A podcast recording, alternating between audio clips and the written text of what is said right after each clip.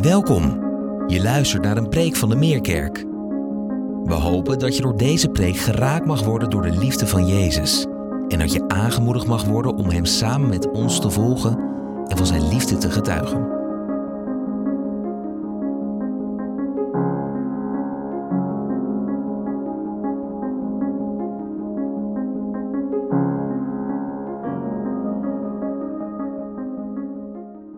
Goedemorgen.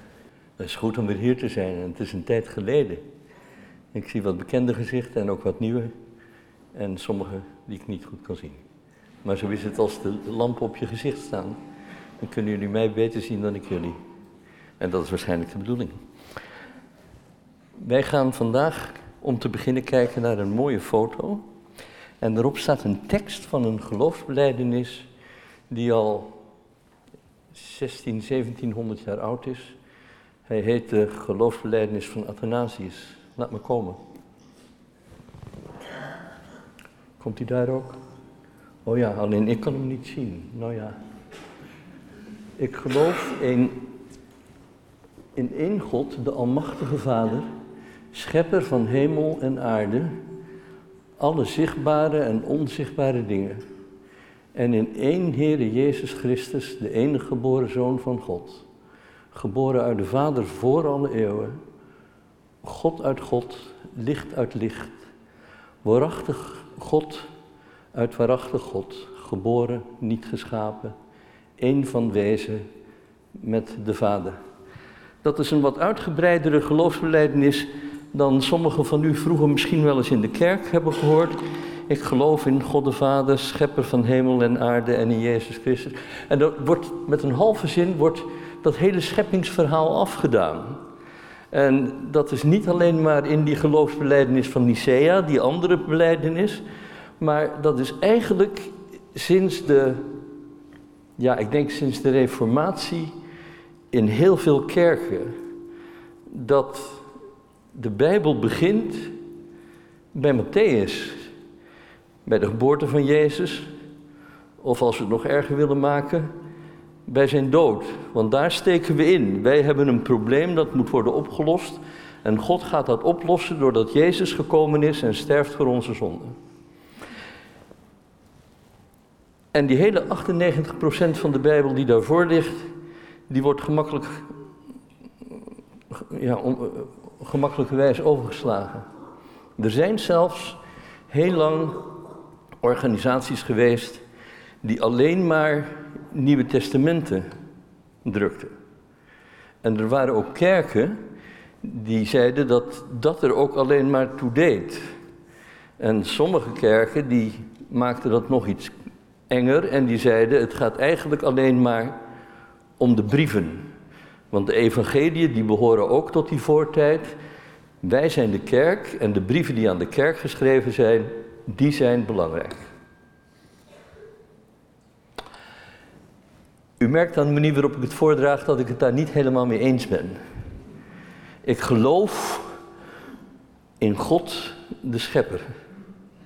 En dat geloof in God de Schepper, dat kan naarmate je meer in de schepping verdiept, groter kleur en groter diepte krijgen. En dat is ook Gods bedoeling. Dat wij ons blijven verwonderen over de prachtige dingen die we om ons heen zien. Of dat we bezorgd blijven, zoals Trea ook zei en bad, over de plekken die wegspoelen bijna. Peking, om dat ook maar even te noemen, met 74 centimeter. 74 centimeter. Regen in 20 uur. 74 centimeter. En dan de enorme vlaktes en bossen die in brand staan. In Canada alleen is de afgelopen weken een oppervlakte aan bos verbrand gelijk aan 2,5 maal de oppervlakte van heel Nederland. In een paar weken tijd. En ook de Canadezen zeggen daarvan, dit hebben wij nog nooit meegemaakt. Jaren geleden, als wij daar wel waren bij familie, dan zagen we her en der dat er brand was geweest. En dan werd het uitgelegd, dan slaat de bliksem in en dan brandt er wat. En dan komt de regen en dan dooft het weer en dan gaat het weer groeien. Dat hoort erbij. Bomen kunnen niet allemaal maar tot aan de hemel blijven groeien. Niemand maakte zich zorgen. Maar nu maken ook de mensen die er verstand van hebben zich grote zorgen. En ze zeggen, wat is er aan de hand in vredesnaam met de schepping? Wat is er gebeurd? We gaan terug naar het begin. In het begin was er alleen maar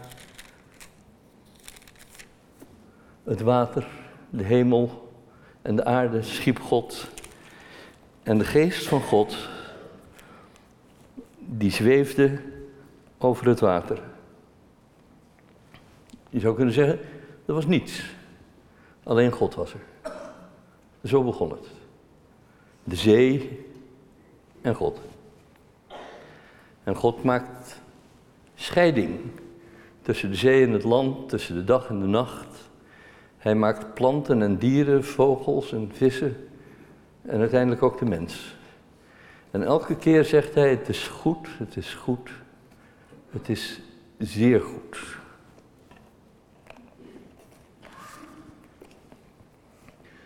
Als we dan naar het Nieuwe Testament gaan en we gaan naar Jezus zelf, dan zien wij hoe hij omgaat met de natuur. Hij praat erover, hij wandelt erin. Wij moeten ons voortdurend voor ogen houden dat Jezus zich daar in Israël niet uh, bewoog in een of andere koets. En zelfs niet op een paard of op een ezel. Hij liep. Die enorme afstanden door het land telkens, die hebben de discipelen en Jezus allemaal gelopen. En ze liepen door de natuur. En het kon dus gebeuren dat ze op een sabbat zomaar bij een korenveld waren en dat de tarwe rijp was. En dat de discipelen deden wat in de Bijbel staat, dat mag.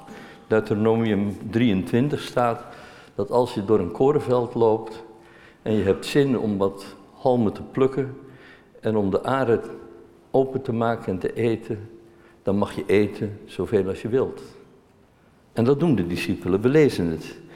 In Matthäus hoofdstuk 13,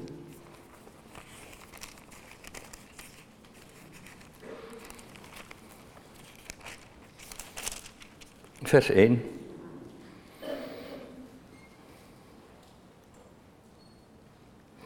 Die dag verliet Jezus het huis en ging aan de oever van het meer zitten. Er kwamen grote mensenmassa's om hem heen staan en daarom ging hij met een boot in een boot zitten terwijl de menigte op de oever bleef.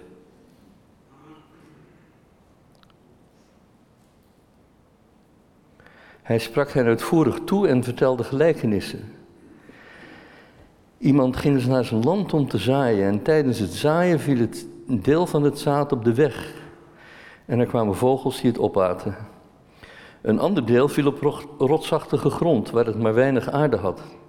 En het schoot meteen op, omdat het niet diep in de grond kon doordringen. Toen de zon opkwam, verschroeide het. En omdat het geen wortel had, droogde het uit. Weer een ander deel viel tussen de distels en toen die opschoten verstikte ze het zaaigoed. Maar er viel ook wat zaad in goede grond en dat bracht vrucht voort. Deels honderdvoudig, deels zestigvoudig, deels dertigvoudig. Laat wie oren heeft goed luisteren. Zomaar een gelijkenis aan de hand van een korenveld. Misschien stond het er wel bij, terwijl Jezus zijn verhaal vertelde. En zo legt hij verbanden tussen wat God geschapen heeft in de beginnen en wat nu nog om ons heen is. En zegt hij eigenlijk, wie goed kijkt, ziet meer dan alleen maar een veld met halmen. Maar die ziet in de schepping wat God aan het doen is. En dat tilt hij eruit en dan zegt hij, als het goed gaat, dan is dat wat God heeft bedoeld. Dat er vrucht wordt gedragen. En dat is natuurlijk ook de, de, de grote vraag achter dit gedeelte. Van hoe wordt je leven vruchtbaar? Hoe zorg je dat uh, alles wat God erin doet niet zomaar wordt weggepikt door de vogels of platgereden door auto's of uh, door de regen wordt weggespoeld, maar dat het wortelt. Hoe, hoe wortel je? Nou, dat is een goede, mooie vraag. In Matthäus 6, vers 25 tot 29 lezen wij het volgende. Daarom zeg ik jullie, maak je geen zorgen over jezelf, over wat je zult eten of drinken, nog over je lichaam, over wat je aan zult trekken. Is het leven niet meer dan voedsel en het lichaam niet meer dan kleding? Kijk naar de vogels in de lucht. Ze zaaien niet en oogsten niet en vullen geen voorraadschuren. Het is jullie hemelse vader die ze voedt. Zijn jullie niet meer waard dan zij? Wie van jullie kan door zich zorgen te maken ook maar één L aan zijn levensduur toevoegen? En wat maken jullie je zorgen over je kleding? Kijk eens naar de lelies. Kijk hoe ze groeien in het veld. Ze werken niet en weven niet. Ik zeg jullie zelf, Salomo ging in al zijn luister niet gekleed als een van hen.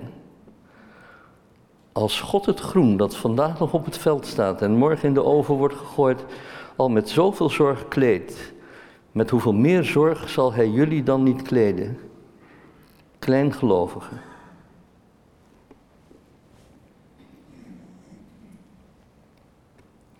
Wij maken ons extreem veel zorgen over wat we moeten dragen. En we hebben dat geperfectioneerd in een systeem waarbij in verre landen voor weinig geld kleding wordt gemaakt die hier in grote winkels voor net iets meer geld wordt verkocht. En als je bij de uitgang gaat staan van zulke winkels, dan zie je mensen soms kromlopen onder de grote tassen met kleren die ze gehaald hebben voor bijna geen geld. En dat duurt een tijdje en dan staat het in een zak bij de voordeur. Dan gaat het naar het leger des heils of het gaat naar een container waar oude kleding in gaat of naar nog weer iets anders. Maar dat is een hele snelle cyclus geworden waar heel veel mensen aan meedoen. Ook christenen. En dat heeft met mode te maken. En dat heeft te maken met het feit gewoon dat het kan. Wij doen een heleboel dingen omdat dat nou eenmaal kan, niet omdat het moet. Jezus zegt, als je nou eens kijkt naar de bloemen op het veld, als je kijkt naar de leliën, Kijk naar de schoonheid van een bloem.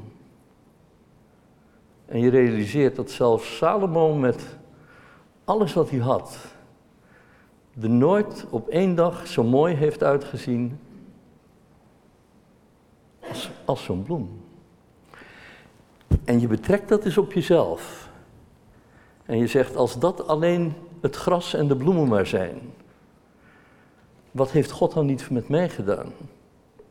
met hoe hij mij gemaakt heeft. Ik hoef me daar geen zorgen over te maken. Met hoe ik me zal kleden, ook dat komt goed. En daar plaatst Jezus dan aan de hand van bloemen en planten om zijn bezorgdheid in het perspectief van de liefde van de eeuwige God. Hij zegt, hoe kan het zijn dat je voortdurend naar de stad moet voor nieuwe kleren, als je je bewust bent dat God je wil kleden. Dat is een ingewikkeld verhaal. Uiteindelijk trek je natuurlijk kleding aan die je gekocht hebt of gemaakt. Maar de boodschap is voor de goede verstaander duidelijk. Dat je daar niet meer met het zwaartepunt van je aandacht, met het zwaartepunt van je investeringen, met het zwaartepunt van je tijdsbestedingen zit. Iedereen van ons, ons kent wel mensen die als je ze op gaat halen, nog net even te laat zijn om ze nog, omdat ze nog bezig zijn met hun kleren of met hun make-up. Ik ken er een paar. En, en sommige zo extreem dat je ze van tevoren belt en dat je dan hoort, ja, het wordt toch een uurtje later. Want ik moet me nog opmaken. Nou, een keuze. Maar je kunt je ook afvragen of dat nou de bedoeling was. Dat je werkelijk zo extreem druk was met de dingen van de buitenkant.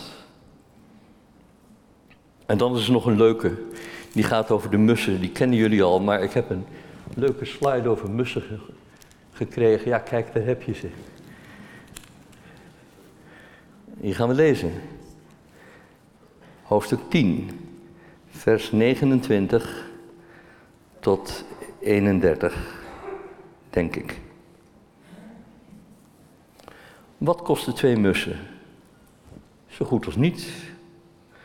Maar er valt er niet één dood neer als jullie vader het niet wil.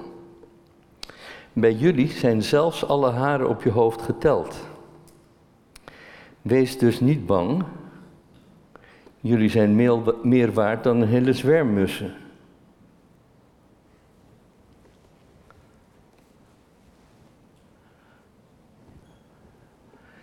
In het vorige Bijbelgedeelte heeft Jezus een vergelijking gemaakt van gewone mensen met koning Salomo, de allerrijkste en allerverstandigste vorst die Israël ooit gehad heeft. Hier maakt hij een vergelijking met de meest gewone vogels die je overal om je heen ziet. Zelfs dat staat onder druk in Nederland. Mussen zijn tegenwoordig beschermd. En mijn vrouw en ik hebben een privaat mussenbeschermingsprogramma. Dat is aan de ene kant de heg die ons van de buren scheidt. Dat is een buxusheg. En in die heg wonen 35 mussen. En die heg is zo dicht begroeid dat als er een kat tegenaan springt, of zoals laatst een sparrow die daar tegenaan staat te rammen, dan horen wij die mussen lachen en die blijven gewoon lekker zitten. Er gebeurt niks. En er hangt in het appelboompje in de tuin hangt een soort van container van plastic met onderaan een paar kleine stokjes waar je op kunt gaan zitten. En dan kun je in die container kun je zo met je mussenbek zaadjes halen. Of ze dat doen? Ja, dat doen ze. Ze zitten op een rij op de, op de tafel te wachten totdat ze aan de beurt zijn. En als het te lang duurt, dan vliegt er eentje op en die jaagt een ander weg en die neemt zijn plaats weer in. Mussen zijn fantastische beesten. Als je aan deze prik niks anders overhoudt dan dat je een keer een boek moet kopen over mussen, die zijn zo ongelooflijk slim. Het is uitgezocht dat als een mus ooit gevangen is geweest en hij komt vrij, dat hij dan aan de cohort waar hij bij hoort uitlegt wat er is gebeurd. En dan kun je van die hele groep nooit een tweede mus op dezelfde manier vangen. Zo. Dat zouden wij moeten kunnen met uh, kapotte achterlichten en de politie. Maar ja, zo slim zijn we niet. Dus mussen zijn fantastische beesten. Maar Jezus zegt, ze zijn geen duit waard. Het is het gewoonste diertje wat je kunt voorstellen. En kijk nou eens hoe God zo'n beest heeft gemaakt. En wees je dan eens bewust dat je veel meer waard bent dan een hele zwermmussen. Wees je bewust dat alle haren op je hoofd geteld zijn. Dat wordt bij mij steeds gemakkelijker. Maar voor sommigen van jullie is dat echt een belofte. Als, je haar, als de haren op je hoofd geteld zijn. En wat het zeggen wil, dat is natuurlijk niet een grapje. Dat God met zoveel liefdevolle, gedetailleerde aandacht naar elk van ons kent, dat hij precies weet tot in de kleinst denkbare details wie we zijn en wat we nodig hebben. Ook daar weer. Dus, de mussen vertellen ons dat God groot is en dat Hij ons oneindig veel meer lief heeft dan de kleine dingen in zijn schepping. Ik ga jullie een verhaal vertellen. Er is een uh, Amerikaanse beurshandelaar. Chris Amade heet hij. Die ongeveer 20 jaar op Wall Street heeft gewerkt.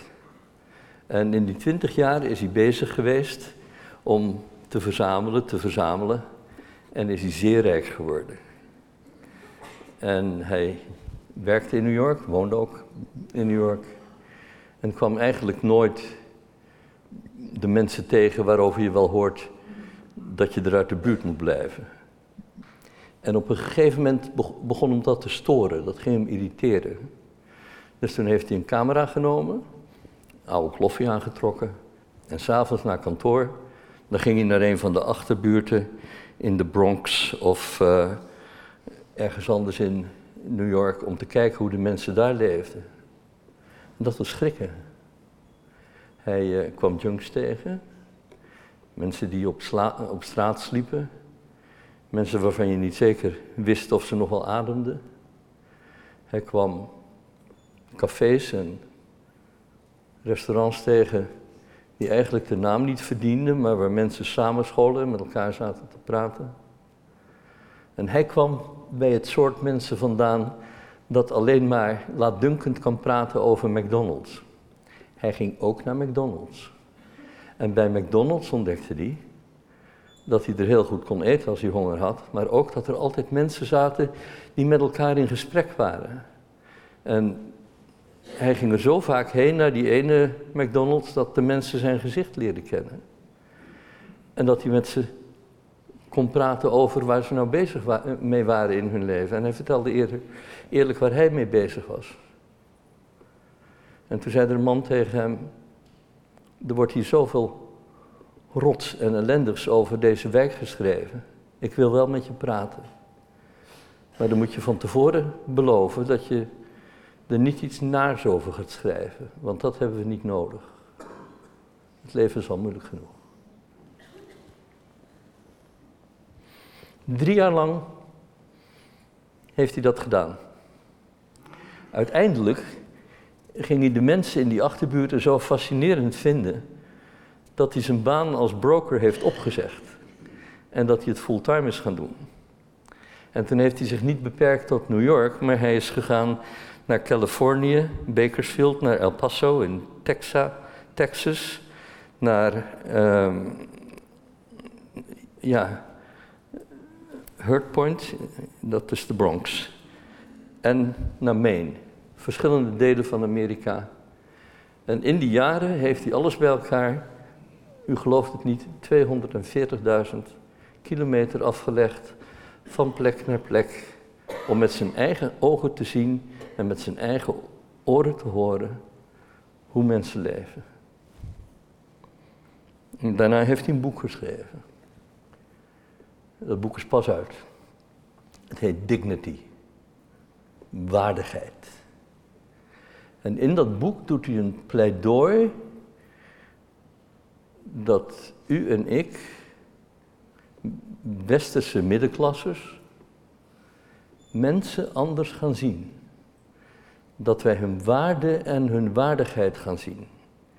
En dat we niet meer naar beneden kijken, maar dat we ze op ooghoogte ontmoeten. En dat we niet meer over ze praten, maar dat we met ze praten. En dat we niet alleen maar systemen maken in de regering waarin ze worden apart gezet en vaak ook nog gediscrimineerd, maar dat we ze volwaardige toegang tot onze samenleving geven. Dignity.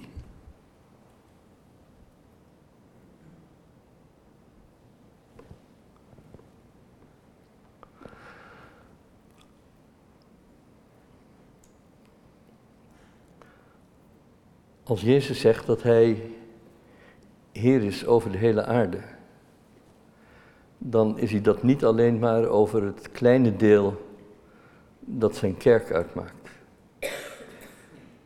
En dat deel van de, van de samenleving dat zijn kerk is, dat is in de afgelopen jaren nog kleiner geworden ook.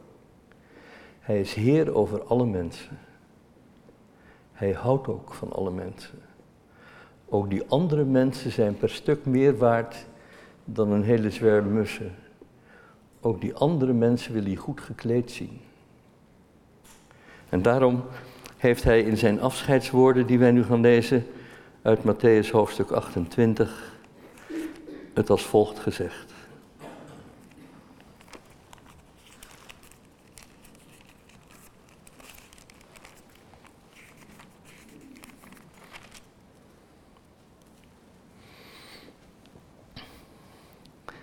Elf leerlingen gingen naar Galilea, naar de berg waar Jezus hen had onderricht. En toen ze hem zagen, bewezen ze hem eer, al twijfelden enkelen nog. Jezus kwam op hen toe en zei, mij is alle macht gegeven, in de hemel en op de aarde. Ga dus op weg. Maak alle volken tot mijn leerlingen door hen te dopen in de naam van de Vader en de Zoon en de Heilige Geest. En hun te leren dat ze zich moeten houden aan alles wat ik jullie opgedragen heb. En houd dit voor ogen. Ik ben met jullie alle dagen tot aan de voltooiing van de wereld. Alle macht. Overal. Over iedereen. Dat is een geweldige belofte. En wij halen die als kerk terecht naar ons toe. Want Jezus zegt dat tegen ons. Maar zijn bedoeling is dat zijn koninkrijk komt over heel de wereld. Om maar weer een metafoor uit de natuur te gebruiken. Zoals het water spoelt over de bodem van de zee. Zo zal de gerechtigheid van God de wereld bedekken. Ik lees jullie voor uit een toespraak van Franciscus, de paus van de katholieke kerk. Hij begint met een vers uit Jezaja. Ik ga iets nieuws maken. Het is het kiemen. Weet u dat niet? Ik ga een weg leggen in de woestijn en rivieren in dorre landen. God zoeken en vinden in, in alle dingen. In dit zoeken en vinden van God in alle dingen is er steeds een grijze zone van onzekerheid. Als iemand zegt dat hij God heeft ontmoet en er bij hem geen spoortje van twijfel te ontdekken is, dan zit er iets niet goed.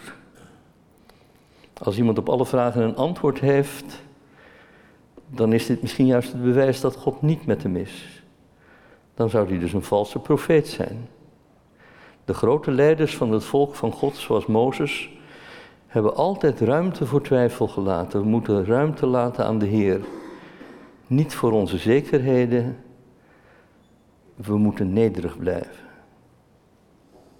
Abraham is op reis gegaan zonder echt te weten waar naartoe.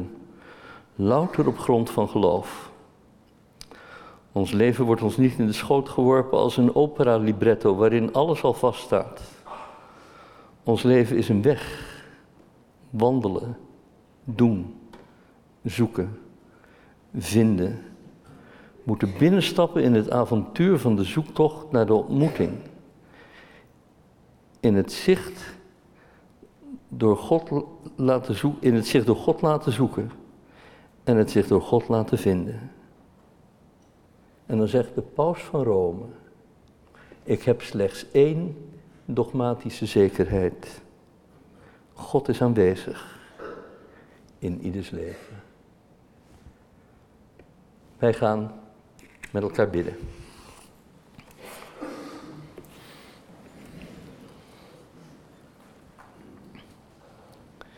Heer, wij danken u voor het scheppingsverhaal. Wij danken u voor het feit dat u er aan het begin was, toen er nog niets was behalve water. En dat uw geest creatief, scheppend de wereld gemaakt heeft zoals wij die nu kennen. Dat u gesproken hebt en dat het er was. En dat u zo ook van ons hebt gezegd. Dat wij zouden worden naar uw beeld. En naar dat beeld zijn wij op zoek. Hoe kunnen wij lijken op Jezus? Hoe kunnen we Hem weerspiegelen in de buurt waar we wonen? In het gezin waar we deel van uitmaken? Wij danken u dat u uw zoon gestuurd hebt. En dat Jezus zelf in onze wereld heeft geleefd. Met alle schoonheid van de schepping.